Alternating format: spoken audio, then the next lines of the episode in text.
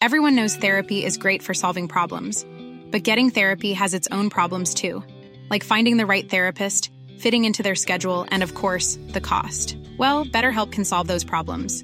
It's totally online and built around your schedule. It's surprisingly affordable too. Connect with a credentialed therapist by phone, video, or online chat, all from the comfort of your home. Visit betterhelp.com to learn more and save 10% on your first month. That's BetterHelp H E L P. Millions of people have lost weight with personalized plans from Noom, like Evan, who can't stand salads and still lost 50 pounds. Salads, generally, for most people, are the easy button, right? For me, that wasn't an option. I never really was a salad guy. That's just not who I am. But Noom worked for me. Get your personalized plan today at Noom.com. Real Noom user compensated to provide their story. In four weeks, the typical Noom user can expect to lose one to two pounds per week. Individual results may vary.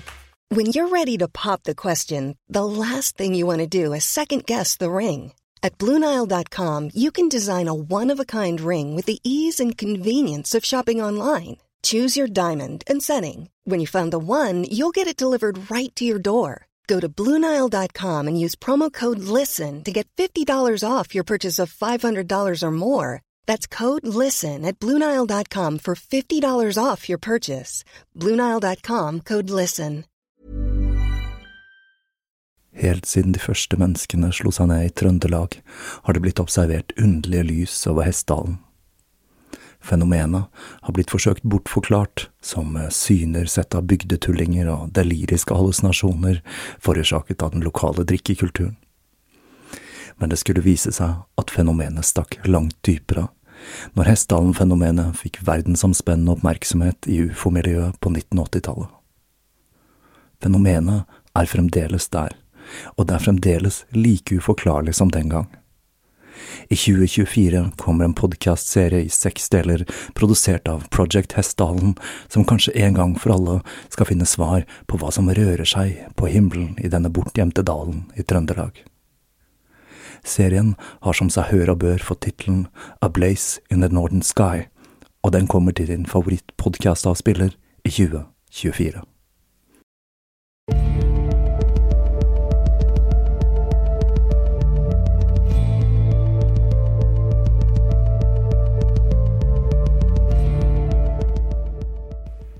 Hei og velkommen til Tåkeprat. Jeg heter Even, og når jeg tar opp denne episode 195, er det onsdag den 10. august 2022. Da var vi endelig i gang igjen. Etter en sommerferie som ble avsluttet litt tidligere enn planlagt, da jeg plutselig oppdaget at den nye jobben min startet den 1. august istedenfor den 20 en dato jeg heldigvis fikk utsatt til den fjerde, da jeg kom rett fra familieferie med kids, og det å kaste seg ut i en ny jobb med hundrevis av nye barn og nye voksne å bli kjent med, nok hadde føltes som et lite mageplask uten et par dager å hente seg inn på. Men jeg skal ikke klage, vi har hatt en herlig, lang sommerferie. Den første delen av ferien i år, den tilbrakte jeg aleine og siden jeg ikke hadde lyst til å sitte i leiligheten og trøkke i ukevis, og siden jeg klarte å spille meg gjennom sommerens spill, Fire Emblem Two Houses, på rekordtid, bare for å oppdage at oppfølgeren ikke appellerte spesielt til meg, bestemte jeg meg for å teste fysikkens lover. De som har fulgt med meg i år, har sikkert fått med dere at jeg har gått i anskaffelse av en helelektrisk bil. Det var et ganske lett regnestykke for meg, da jeg plutselig hadde fått betydelig mindre reisevei, har bosatt meg i Oslo, og nå kan belage meg på at 99% av all bilbruken min fremover blir småkjøring. Med budsjettet mitt så hadde jeg ikke akkurat råd til noen Porsche Taycan, så jeg endte opp med en 2015-modell Fiat 500 med en rekkevidde på 15 mil og uten hurtiglading. Det er kanskje ikke de mest imponerende spesifikasjonene i verden, men det tar bilen igjen i stil og sjarm i bøttevis. Og jeg må si at jeg har vært ekstremt fornøyd med det kjøpet, spesielt siden jeg har egen parkeringsplass med lader. Men som ny elbileier så er det et par underlige sosiale fenomener som har manifestert seg. Før jeg kjøpte bilen, så hørte jeg historier om hvor gjevt det var med elbil fra venner og kollegaer som hadde bestemt seg for å gå helelektrisk. Men i det øyeblikket jeg selv ble elbileier, så begynte skrekkhistorien om rekkeviddeangst og ufrivillig tauing til nærmeste ladestasjon å boble til overflaten. Samtidig ble jeg oppmerksom på et annet fenomen. Jeg har lenge hatt stor glede av å lese kommentarfeltet til VG når jeg trenger et humoristisk innslag i hverdagen. I sommer har jeg storkost meg med illsinte lesere som har hisset seg opp over ting som kjøttnekt på festival, og ikke minst ingen menneskerett og hytte med boligstandard. Og når jeg begynte å lese kommentarer på artikler og tester av elbiler, så oppdaget jeg en helt ny sjanger av hissige debattanter, nemlig elbilhatere. Det virker som om det er et helt segment av den norske befolkningen som utelukkende eier bil for å kunne kjøre i 200 km i timen på autobanen i Tyskland. For det er nemlig et gjennomgående argument, i tillegg til det uslitelige. De fant elbilen på museum og har tatt den ut for å teste den, og igjen så kommer de til å finne ut at den er ubrukelig. Og det slagkraftige argumentet er et jeg til og med har fått servert utenfor eder og gallen i kommentarfeltet til VG. Det er som om det er en hel gruppe mennesker som på en eller annen måte føler at identiteten deres hviler på hvilken energikilde framkomstmiddelet deres benytter seg av. Så bare for å ha gjort det, så bestemte jeg meg for å legge ut på langtur med kortdistansebilen min. Jeg fikk låne hytta til min eks på Gol, og med det pakket jeg med meg alt jeg trengte i min lille italiener, og la i vei. Det tok litt tid, det gjorde det. Det ble ca. tre timer lenger enn vanlig, omtrent det dobbelte av det normale. Og jeg må si at det å kjøre opp på fjellet med fullastet bil var noe som også ga meg en smak av rekkeviddeangst. Men det gikk bra til slutt, selv om jeg må si at det neppe blir en bragd jeg kommer til å gjenta med det første. Utover denne turen så ble det altså en familieferie med tre voksne og tre barn på meg i år, og den turen den gikk til Bergen. Noe de av dere som følger meg på Instagram, som er at evenleven, sikkert har fått med dere. Bergen har lenge vært en av mine favorittbyer i Norge, og da byen som har fostret Varg Vikernes, Ole Bull og Herman Friele ble foreslått som feriemål i år, så skulle det ikke så mye overtalelse til for min del. Det er første gang på mange år jeg har hatt en norsk by som rent feriemål. Og jeg kan jo ikke si annet enn at Bergen, med sin uslitelige sjarm og brautende lokalbefolkning, innfridde. Det store minuset med turen, det var prisen. For det å feriere i eget land, det er alt annet enn billig. Og etter denne sommeren så er jeg raka fant. Så det er kanskje like greit at min nye arbeidsgiver kastet meg ut i ilden i begynnelsen av august. Og nå er det altså tid for eh, podcasting igjen. Jeg kommer til å bli nødt til å arbeide inn en ny rutine for podcasting, med nye og lengre arbeidsdager. Så kommer det sikkert til å gå litt trått i begynnelsen, men jeg er sikker på at det kommer til å løse seg etter hvert. Som første tema ut i år, så har jeg valgt et som mange nok vil tenke skiller seg litt ut ifra den gjengse tåkeprat-tematikken men jeg har på følelsen av at eh, mitt perspektiv og tolkning av historien vil gjøre at fortellingen vil få en distinkt tåkepratsnert. For dette blir en trist, trist serie. Damen vi nå skal se litt nærmere på, er et kulturelt ikon som har satt sitt uslettelige preg på populærkulturen. Hun er innhyllet i et slør av mystikk, og det er skrevet et utall biografier om henne. Jeg har hatt henne på lista over mulige tema i en årrekke, da jeg selv visste lite om livet hennes. For å komme til bunns i livshistorien hennes bestemte jeg meg for å velge ut to biografier med to ulike perspektiver, og styre unna hva som finnes av dokumentarserier, podcaster og lignende der ute, for å forsøke å danne meg mitt eget bilde av damen som en gang sa Vi er alle stjerner, vi fortjener alle å skinne. Hun har faktisk dukket opp i denne podkasten tidligere, da Anton LaVey, grunnleggeren av Church of Satan, skrøt av å ha ligget med henne før hun ble kjent. Damen det dreier seg om, er selvsagt Marilyn Monroe, det kanskje mest markante sexsymbolet fra det 20. århundret. Mens jeg begynte å ferdigstille materialet til denne episoden, slapp plutselig NRK en podkast-episode om Marilyn Monroe. En grunn til at jeg hører så få norske podcaster, er at jeg ikke vil at andres temavalg skal påvirke mine egne. Og i dette tilfellet tror jeg jeg skal gi dere et langt mer grundig dypdykk enn hva Statskanalen har klart å sette sammen, uten at jeg har hørt denne episoden. Men jeg registrerer jo at lengden på den neppe er lang nok til å ha med de elementene jeg har valgt å fokusere på. Hovedkildene jeg har valgt meg ut til denne serien, er hennes egen autobiografi, My Story, som hun skrev da hun var på høyden av sin karriere, og som først ble gitt ut i 1974, lenge etter hennes død. Grunnen til at jeg valgte nettopp denne boka, er at jeg ønsket å få et innblikk i hvordan hun ønsket å fremstille seg selv, og kanskje forstå litt hvordan hun selv tenkte. Den andre boka jeg valgte meg ut, er The Secret Life of Marilyn Monroe av J. Randry Tarborelli fra 2010. Jeg valgte denne da den er forholdsvis ny, og fordi den fokuserer på de mange tragiske aspektene av Marilyns liv. Aspekter som har blitt tydeligere i årenes løp. I arbeidet med boken har Tarborelli gjort en rekke intervjuer med gjenlevende personer fra Marilyns oppvekst og omgangskrets, i tillegg til å grave i originalkilder som FBIs arkiver, noe som gjorde at valget til slutt falt på denne biografien i jungelen av de som har blitt skrevet om henne. Jeg vil tro at denne historien er kjent for mange der ute, men jeg håper og tror at dere som hører på vil lære et par nye ting om denne stjernen som brant så klart og sluknet så altfor tidlig. Når det gjelder musikksnutten jeg har laget til denne serien, så har jeg mastret den på kassett, om det er noen som reagerer på båndsusa. Jeg har i lengre tid hatt lyst til å gjøre noe av lyden til tåkeprat via bånd, for å få et litt mer analogt preg. Og ja da, jeg er veldig klar over at det finnes mange gode digitale løsninger til dette der ute. Men for meg så føles det litt spesielt å vite at lyden har gått gjennom et fysisk analogt ledd. Igjen så er dette en av disse tingene som nok det kun er jeg som bryr meg om. Men det er også noe jeg føler er med på å gjøre at Tåkeprat skiller seg ytterligere ut i podkastjungelen. Med det er tiden inne for å gyve løs på en livshistorie som er preget av triumf og tragedie.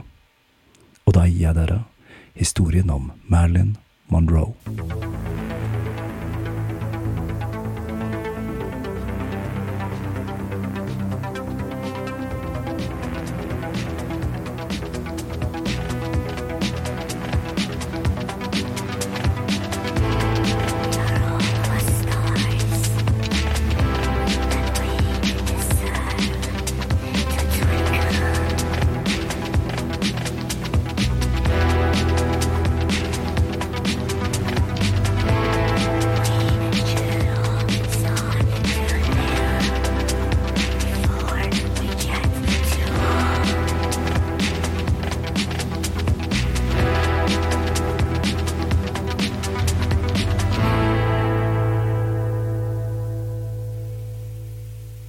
Jean Mortensen ble født om morgenen den 1. juni 1926. Kollegaene til moren, Gladys Baker, som jobbet som filmklipper ved Consolidated Studios, hadde startet en kronerulling for å forsøke å hjelpe henne økonomisk til hun var i stand til å komme tilbake i arbeid. For alt sto ikke så bra til med Gladys. Det var ingen mann som ventet på henne, og selv hennes egen mor, Della Monroe, var ikke på sykehuset, for hun hadde reist til India i desember. Det var en stor skam forbundet med det å være alenemor i 1926. Og når Gladys måtte fylle ut barnefarens navn på fødselsattesten, skrev hun Edward Mortensen, en mann hun ikke hadde vært med på lang tid, og hun klarte til og med å stave navnet feil. Personalet ved sykehuset var så skeptiske til dette navnet at de senere føyde til ukjent ved siden av barnefarens navn.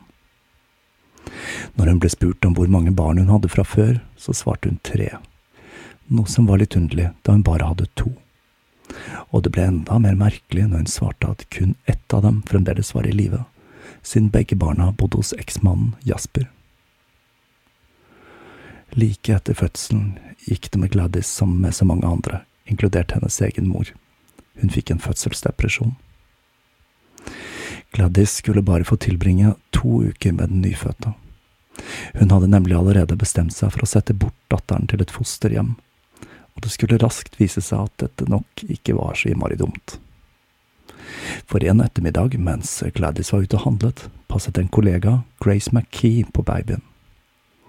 Når Gladys kom hjem, ble hun hysterisk, og hun begynte å anklage denne kollegaen for å ha forsøkt å forgifte barnet.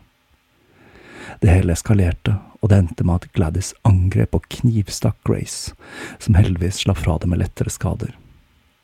Men denne episoden gjorde det ganske klart at Gladys ikke var egnet som mor. Den 13. juni 1926 banket en svært nedstemt Gladys på fosterhjemmet til Ida Bollender med den to uker gamle Norma Jean i armene. Avtalen Gladys hadde med Ida, var at hun skulle betale henne 25 dollar i uken for å ta seg av spedbarnet. I den første perioden betalte hun til og med mer, for at barnet skulle få det litt bedre, men det skulle ikke vare lenge. Det var svært vanskelig for Gladys å se hennes eget barn bli tatt hånd om av en annen kvinne, så hun flyttet til Hollywood i håp om å få det hele litt på avstand, men hun fortsatte å besøke datteren i helgene. Gladys skulle få det enda mer komplisert når moren hennes Della kom tilbake fra India, uten mannen sin, men med malaria. Hun var sengeliggende i ukevis, og det hele var en tøff belastning for datteren, som allerede hadde sitt å stri med. Sommeren 1927, når malariaen hadde roet seg litt, så dro Della til Ida Bollingers hus, hvor hun begynte å dundre på inngangsdøren og forlangte å få se barnebarnet sitt. Ida nektet å slippe henne inn, men til slutt så knuste Della glasset til inngangsdøren og fikk låst opp. Hun sa at hun var sikker på at Norma Jean var død, og at Aida hadde forsøkt å skjule dette fra henne og Gladys. Fortvilet visste ikke Aida hva hun skulle gjøre, og hun viste Della barnesengen der jenta sov, og så gikk hun for å ta seg et glass vann. Da hun kom tilbake, fant hun Della med en pute presset mot ansiktet til jenta. Hun grep tak i barnet og skrek til Della at hun kunne pelle seg ut før hun ringte politiet. Når politiet kom, fant de Della bablende usammenhengende, og de valgte å eskortere henne hjem framfor å ta henne med til sykehuset, hvor de nok egentlig burde ha kjørt henne. Della hadde lenge slitt med hva vi i dag ville kalt en depresjon, og nå hadde det eskalert, og hun begynte å bli farlig for de som var i nærheten av henne. Gladys flyttet sammen med sin mor for å forsøke å ta vare på henne mens hun ble utredet hos lege, en utredelse som førte til at hun ble diagnostisert med en hjertesykdom, noe som selvsagt ikke kunne forklare årevis med mental lidelse, som startet når hun fødte sitt første barn. Hendelsene kom som perler på en snor etter Gladys flyttet inn med moren. Bare et par dager etter hun hadde flyttet inn, kom moren stormende inn på rommet hennes og fortalte at hun hadde blitt overfalt og voldtatt. Til tross for at det raskt ble klart at det ikke var noen inntrenger i huset, var Della utrøstelig, og hun gråt hele natten. Den første august begynte tingenes tilstand å bli så ille at Gladys tok med moren til legen, som var helt klar på at hun burde tvangsinnlegges, noe Gladys nektet. Historien forteller oss om hvordan Gladys endret mening under en middag med moren den 3. august, der moren fortalte henne telepatisk at det var på tide å slippe taket, en historie som vel indikerer at begge damene hadde sitt å slite med. Den 4. august 1927 ble hun lagt inn på Norwalk State Hospital, hvor hun døde 19 dager senere, i en alder av 51 år. Norma Jean utviklet seg til å bli en vakker liten jente med blonde krøller og blå øyne. Til tross for at flere biografier har beskrevet de første leveårene til Marilyn som vanskelige, virker det som om de første årene var relativt stabile, og at dette er en historie som har kommet opp i ettertid, da blant annet Marilyn selv til stadighet refererte til sin fattige oppvekst når hun ble berømt. Aida og mannen hennes Wayne dyrket egne grønnsaker, de hadde frukttrær og kyllinger og geiter, så Norma Jean og de andre fosterbarna som bodde der, hadde det de trengte av mat, og det sto ikke på omsorg i hjemmet deres. Aida og Wayne var baptister, og Aida tilhørte en pinsemenighet. Denne religiøsiteten, som sikkert var en del av grunnen til at paret tok til seg fosterbarn, har også blitt en del av den senere myten om Marilyn, og det florerer med historier om hvordan de første leveårene var preget av ekstrem religiøsitet.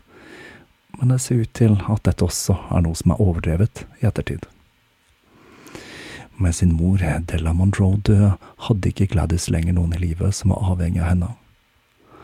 Alle forhold hun hadde forsøkt seg på, hadde gått i vasken, og hun hadde ikke lenger ansvaret for noen av barna sine. Til tross for at moren ikke hadde vært helt stabil, så hadde hun vært en stabiliserende faktor i livet hennes, og med moren død hadde hun ikke lenger noen som kunne holde henne på bakken, og hun ble mer og mer irrasjonell. Dette var også en faktor som naturlig nok gjorde det vanskeligere for henne å finne seg en mann. En høstdag i 1929 raknet det for Gladys, som troppet opp foran huset til Bollander-familien og dundret på døra.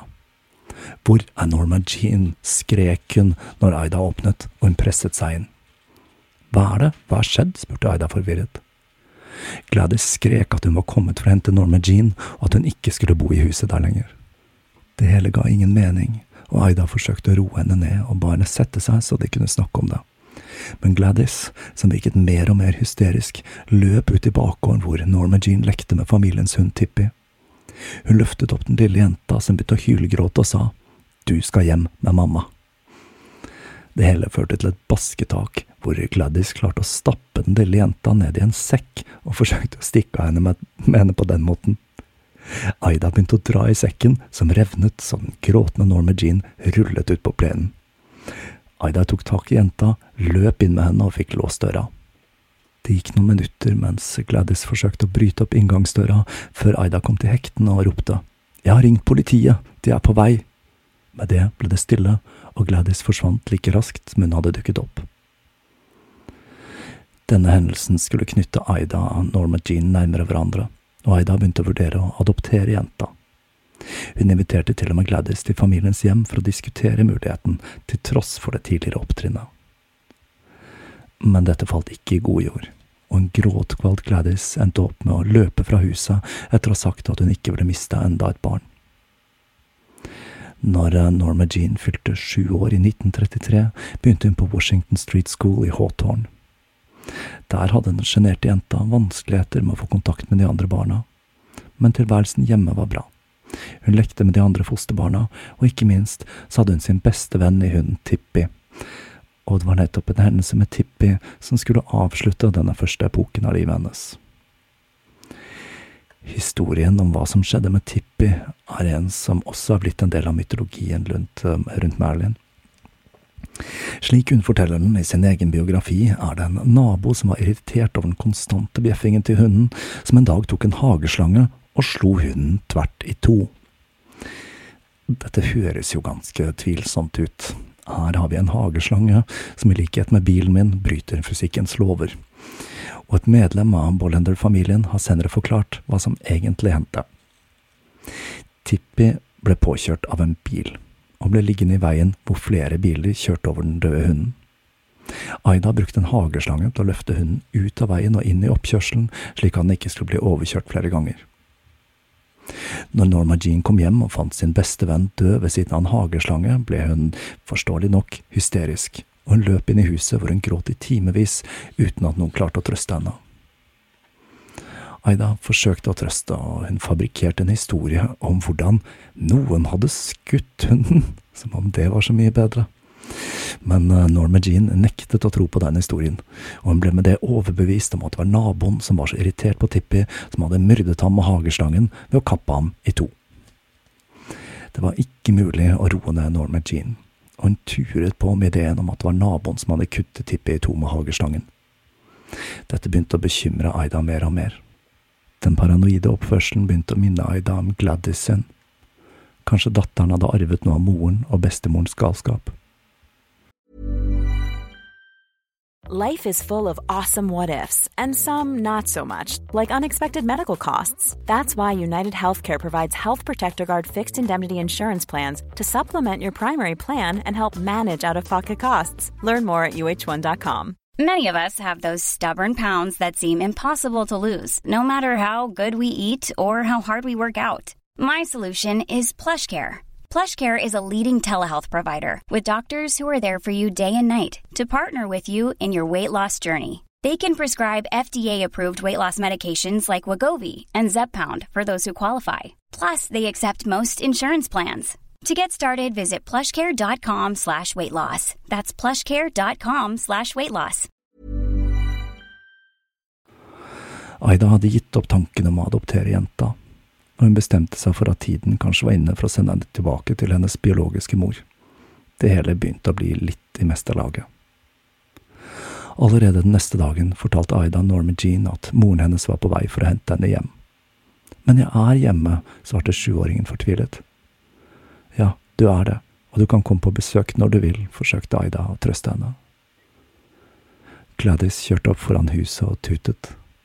Hun gikk ikke ut av bilen. Aida ga jenta kofferten hun hadde pakket til henne, og kneppet på henne jakken. Jeg kommer til å savne deg, Norma Jean, var det siste hun sa til henne før hun sendte henne ut til Gladys. Gladys var ikke alene i bilen. Sammen med henne var kollegaen Grace Atkinson McKee, som vi husker som dama som ble knivstukket av Gladys tidligere. Grace hadde tydeligvis tilgitt dette lille opptrinnet, og dette var en kvinne som skulle spille en viktig rolle i livet til Norma Jean. Grace, som hadde blitt skilt to ganger på det tidspunktet, var 37 år, og hun hadde etter hvert blitt det ankeret i livet til Grace hun trengte for å holde seg noenlunde stabil. Gladys hadde etter hvert begynt å tjene mer på klippejobben, og ting så faktisk mer stabile ut enn de hadde gjort på mange, mange år. Kanskje det var litt av grunnen til at Gladys følte seg moden for å ta på seg ansvaret for datteren. Gladys og Grace festet mye sammen, og de delte en liten leilighet i Hollywood. Norma hadde vært på besøk der tidligere, og senere skulle Marilyn fortelle at hun brukte disse besøkene på å gjemme seg i klesskapet, og hun fortalte at hun sjelden snakket med moren når hun var der. Gladys merket raskt at jenta som var oppvokst på en gård med dyr og store uteområder, ikke trivdes i den lille leiligheten med de to damene. Og det ble ikke noe bedre av at datteren til stadighet spurte om når de skulle dra og besøke tante Aida. Dette gjorde selvsagt ikke underverket for psyken til Gladys, som igjen begynte å skli inn i en depresjon. Grace forsøkte å muntre henne opp med å si at om de to samarbeidet, så kunne de sikkert finne en måte å tjene nok penger på til å kjøpe et hus der den lille jenta ville trives bedre. Og med det ble det bestemt at det beste var å sende jenta midlertidig til en ny fosterfamilie, og det skulle bli Atkinson-familien.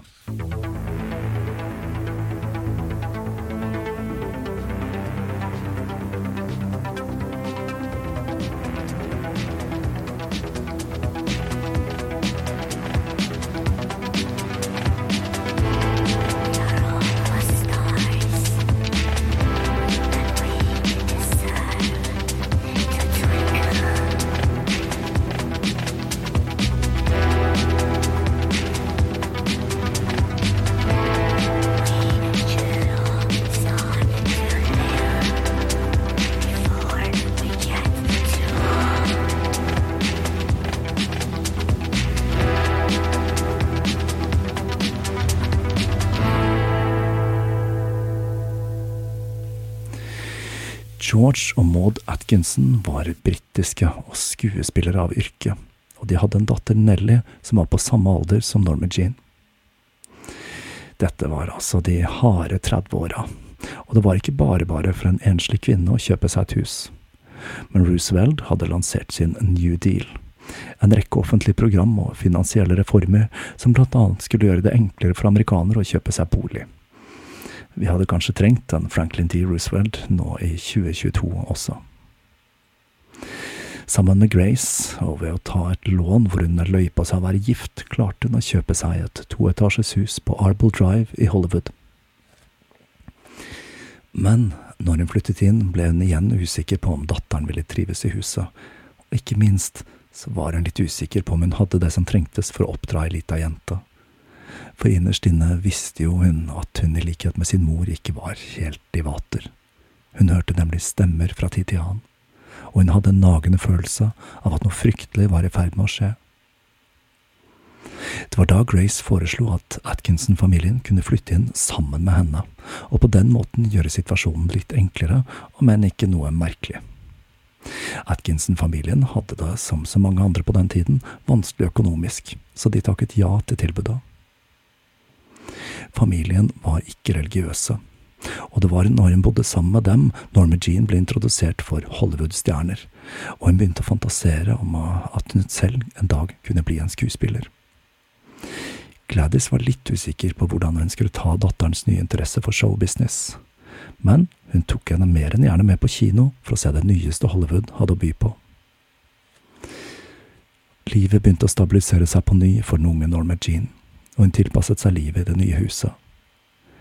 I september 1933 begynte hun i andre klasse ved Selma Avenue barneskole, og i motsetning til tidligere så fant hun seg raskt til rette blant de nye klassekameratene. Men den lykkelige tilværelsen skulle ikke vare så altfor lenge. I oktober fikk Gladys et brev fra hennes tidligere svigerbror. Han skrev at sønnen hennes Jackie hadde dødd av tuberkulose i august det året, kun 13 år gammel, etter at eksmannen hadde tatt ham ut av rehabiliteringssenteret han var på, mot legenes råd. Da raknet det for Gladys, som begynte å skjelle ut Norma Jean og skrek. Hvorfor var det ikke deg, hvorfor var det ikke du som døde? Og så ble ting enda verre. Like etter fikk hun beskjed om at bestefaren hadde blitt gal og hadde hengt seg. Gladys hadde forsøkt å holde stemmene på avstand i mange år, men nå ble det litt for mye, og det begynte å bli vanskeligere å overse. Atkinson-familien begynte å bli bekymret, og de forsøkte å holde seg på avstand. Grace var også i villrede, og hun skulle senere si at fra det øyeblikket var hun i totalt mørke. For å toppe det hele ble filmstudioet de jobbet ved, rammet av streik, og med det forsvant inntekten til de to. Alt gikk rett og slett skikkelig dramatisk nedover, og de første månedene av 1934 var virkelig ille for Norma Jean. Hun så moren grave seg dypere og dypere ned i galskapen, og det er vanskelig å forestille seg hvordan det var med på å forme den unge jenta. Aida begynte å bli bekymret for Norma Jean. I en telefonsamtale med jenta spurte hun om hun ikke ville komme tilbake og bo med dem en stund. Norma Jean sa at hun ville det, men at hun måtte spørre mamma først. Nå kan dere sikkert gjette hvordan det gikk. Mamma ble ikke spesielt glad, og det endte opp med at hun ringte og skjelte ut Aida. Ting skled mer og mer ut.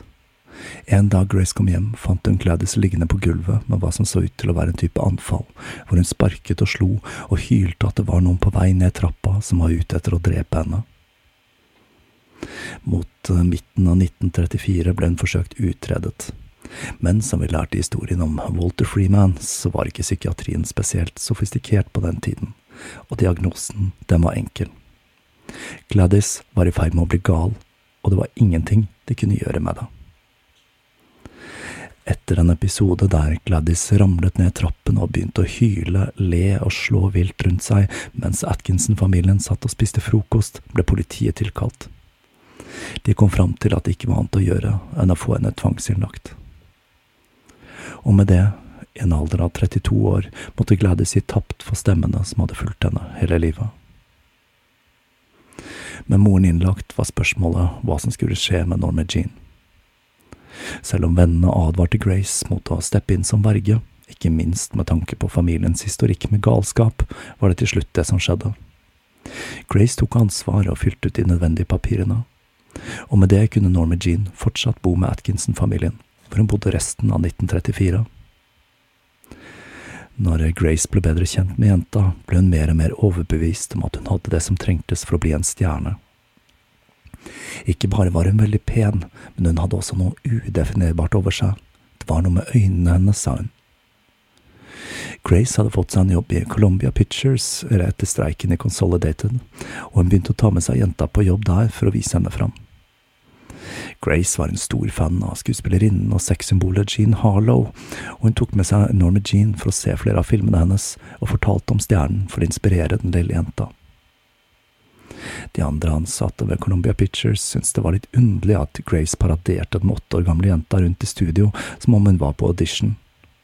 Men dette gjorde et virkelig inntrykk på den unge jenta, som senere fortalte at tante Grace snakket til meg på en måte ingen andre hadde gjort.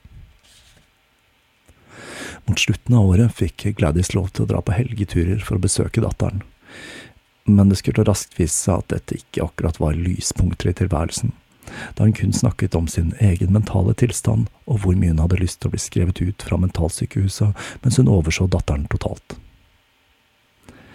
Året etter skulle et nytt kapittel i livet til Norma Jean begynne, da Grace høsten 1935 bestemte seg for å ta med jenta til et barnehjem Los Angeles Orphans Home Society.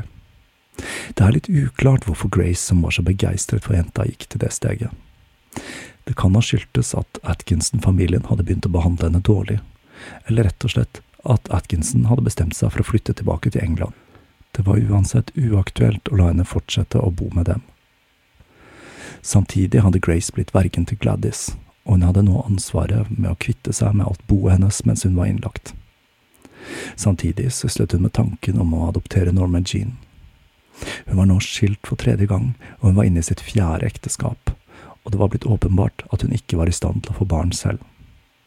Den nye mannen hennes hadde tre egne barn fra før, og hun syntes Norma Jean ville være et flott tilskudd til denne barneflokken. Grace var nå i 40-åra, og hun følte at dette var den siste muligheten til å stifte familie. Mannen, Irvin Silliman Goddard, som alle kalte Doc, mente derimot at de ikke hadde råd til å ta til seg et barn til. Og det var det som førte til at Grace en dag tok med seg Norma Jean på en gåtur, der hun forklarte hvorfor hun var nødt til å sende henne på barnehjem. Dette ble naturlig nok ikke spesielt godt tatt imot av jenta, som gråt og tagg om å få bli med Grace. Uvisst hvordan fikk Ida Bolander snusen i hva som var i ferd med å skje, og hun ringte Grace og ba om å la de få adoptere jenta, eller i det minste ta seg av henne framfor å sende henne på barnehjem. Dette hørtes kanskje ikke ut som en dum idé, og like etter skrev Aida et brev til Grace der hun talte varmt for hvordan hun kunne ta seg av Norma Jean. Men det hadde seg sånn at Grace ikke likte Aida noe særlig, og i tillegg hadde Gladys fått henne til å sverge at hun skulle holde Aida vekk fra jenta. Og med det ble Norma Jean sendt til barnehjemmet den 13. september 1935. Barnehjemmet besto av 60 barn, hvorav 25 var jenter, og det var tolv senger på hvert rom. Det skal ikke ha vært så ille til å ha vært et barnehjem på den tiden. Barna dro på turer, fikk julegaver og lommepenger, og andre som vokste opp ved hjemmet, har senere kritisert Merlins beskrivelser av det, Merlin forteller om hvordan hun ble satt til å ta enorme oppvasker og skrubbe toaletter, noe som visstnok stemmer dårlig overens med hvordan de faktiske forholdene ved hjemmet var. Men det er klart at for en som egentlig ikke var foreldreløs, ikke bare hadde hun en mor, men hun hadde også tante Grace og Aida som kunne ta seg av henne, så var nok opplevelsen av å bli plassert vekk på den måten dramatisk. Grace var heller ikke så fornøyd med ordningen, og hun hadde fryktelig dårlig samvittighet. Hun besøkte henne så ofte hun kunne, og hver gang hun dro, var Norma Jean oppløst i tårer. Men det var ikke bare Grace som besøkte jenta. Aida og Wayne Bolender begynte også å besøke henne jevnlig, noe hun satte pris på siden hun fremdeles så på dem som foreldre. Grace satte derimot ikke pris på disse besøkene. Hun var redd Ida og Wayne hadde lagt merke til at jenta var spesiell, og at hun kunne få en karriere i showbusiness de kunne utnytte økonomisk. Hun ga derfor barnehjemmet streng beskjed om at Norma Jean ikke kunne få besøk dersom de besøkende ikke hadde en skriftlig tillatelse fra henne, og hun spesifiserte at dette spesielt gjaldt Aida Bolender. Bestyrerinnen ved barnehjemmet skrev tilbake og sa at hun gjerne ville ha et møte der de kunne diskutere dette, men fikk et kort svar fra Grace som skrev bare gjør som jeg sier, det er gode grunner til dette. Det gir kanskje seg selv at forholdet mellom de to damene ikke ble spesielt mye bedre av dette. Den 26. juni 1937 forlot endelig Norma Jean barnehjemmet, og hun fikk lov til å flytte hjem til Grace og Doc. Men ting var ikke rosenrødt der. Doc hadde begynt å drikke tett, og etter kun seks måneder bestemte Grace seg for at det var best å flytte på jenta igjen. Denne gangen til jentas tante, Olive Monroe i North Hollywood. Men livet hos denne tanten skulle vise seg å heller ikke være en dans på roser. Mannen hennes hadde stukket av fra henne og de tre barna de hadde sammen ti år tidligere, og Norma Jean hun havnet sist i rekken. Senere sa Merlin at hun følte seg som strandet på en øde øy. Hun fikk problemer med å spise og begynte å kaste opp. I mellomtiden forsøkte Gladys å rømme, Vinteren 1938 stjal hun en sykepleieruniform og rømte fra sykehuset, men hun ble pågrepet uten dramatikk noen få timer senere. Hun forsøkte også å få Grace til å hjelpe henne med å slippe ut, men venninnen visste at ikke alt var som det skulle med Gladys, og takket høflig nei. Høsten 1938 ble det bestemt at Norma Jean skulle flyttes igjen. Denne gangen til Edith Anna Lower, som var søsteren til faren til Grace. Dette var en voksen dame på 58 som hadde ting på stell. Det vil si, hun hadde det økonomiske på stell. Hun var nemlig dypt involvert i Christian Science, en trosretning som ble grunnlagt på 1800-tallet i New England av Mary Baker Eddy. Eddie beskriver hvordan den materielle verden er en illusjon, og en konsekvens av dette er at følgerne av denne religiøse retningen tar avstand fra moderne medisin, noe som har ført til at flere av kirkens medlemmer har blitt dømt for grov omsorgssvikt i årenes løp. Men til tross for den litt ulne spirituelle delen, så var Anna en stabil figur for Norma Jean, som etter kort tid begynte å kalle henne for tante Anna. Ett og et halvt år etter hun flyttet inn der, i en alder av 13, begynte hun på Emerson Junior High School i Westwood. Og det var i denne perioden at hun begynte å oppdage at hun hadde noe ingen andre hadde. Hun var i ferd med å bli en ekstremt vakker ung dame, noe som ikke gikk upåaktet hen hos de andre elevene. Norma Jean begynte å bygge en identitet rundt dette.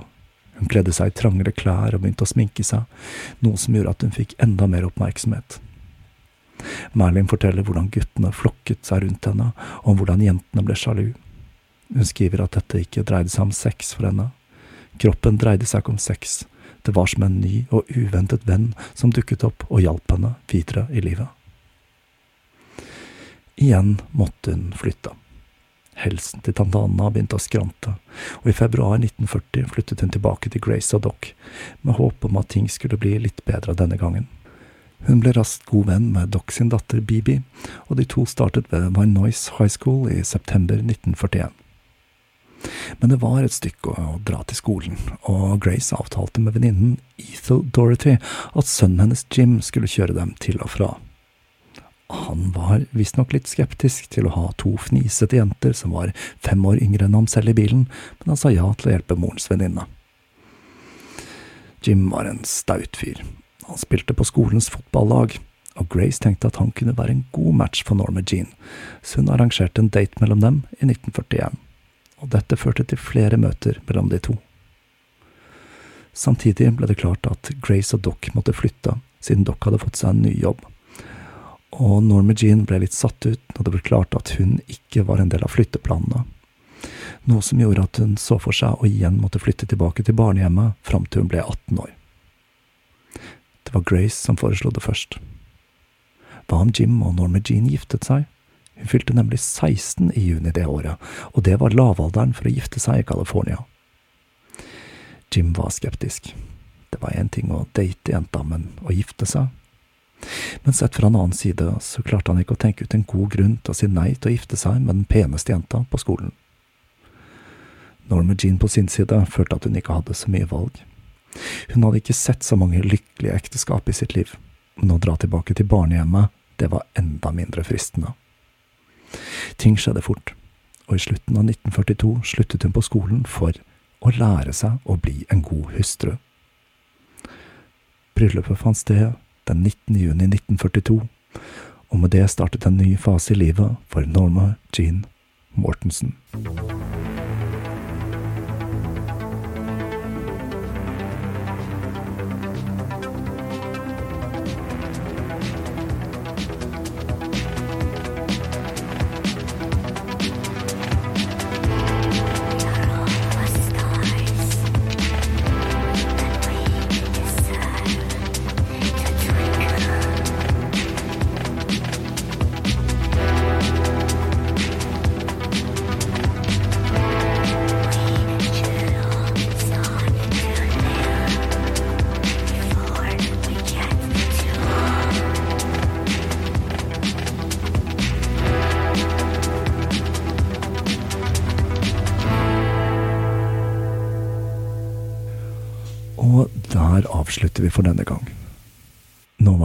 Å sette i gang med podkasten igjen, og jeg merker at det ikke tar så altfor lang tid å komme inn i den gamle tralten, nå som jeg har jobbet meg gjennom 195 episoder.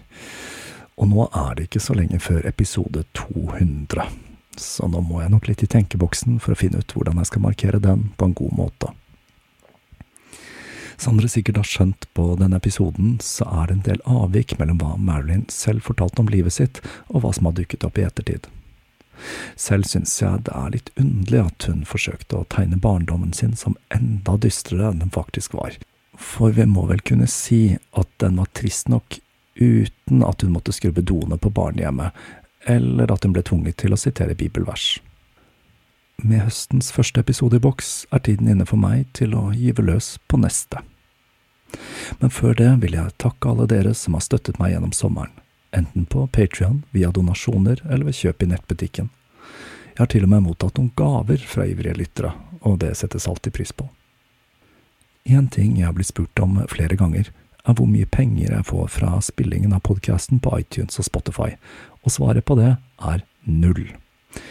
I motsetning til musikk gir nemlig ikke podcaster avkastning ved å bli spilt i disse kanalene, så det er kun gjennom direkte donasjoner fra dere lyttere at det er mulig å holde Tåkeprat gående. Med mindre jeg bestemmer meg for å ha med reklame eller legge meg under en eller annen podcast-app med abonnement. Så fram til neste episode får dere huske Merlins sitat, som er forbløffende likt en strofe fra Crowleys Lovens bok. Vi er alle stjerner, vi fortjener å skinne. Vi høres igjen om ikke lenge.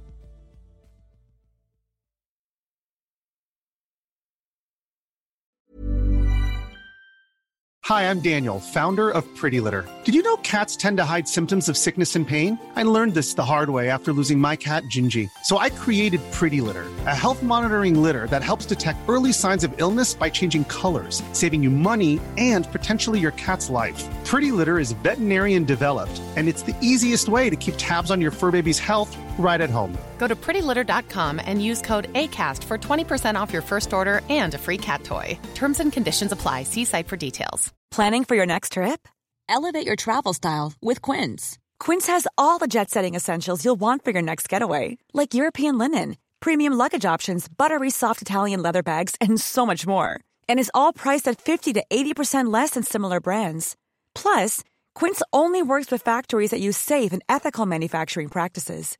Pack your bags with high-quality essentials you'll be wearing for vacations to come with Quince. Go to quince.com slash pack for free shipping and 365-day returns. Planning for your next trip? Elevate your travel style with Quince. Quince has all the jet-setting essentials you'll want for your next getaway, like European linen, premium luggage options, buttery soft Italian leather bags, and so much more. And is all priced at 50 to 80% less than similar brands. Plus, Quince only works with factories that use safe and ethical manufacturing practices. Pack your bags with high-quality essentials you'll be wearing for vacations to come with Quince. Go to quince.com slash pack for free shipping and 365-day returns.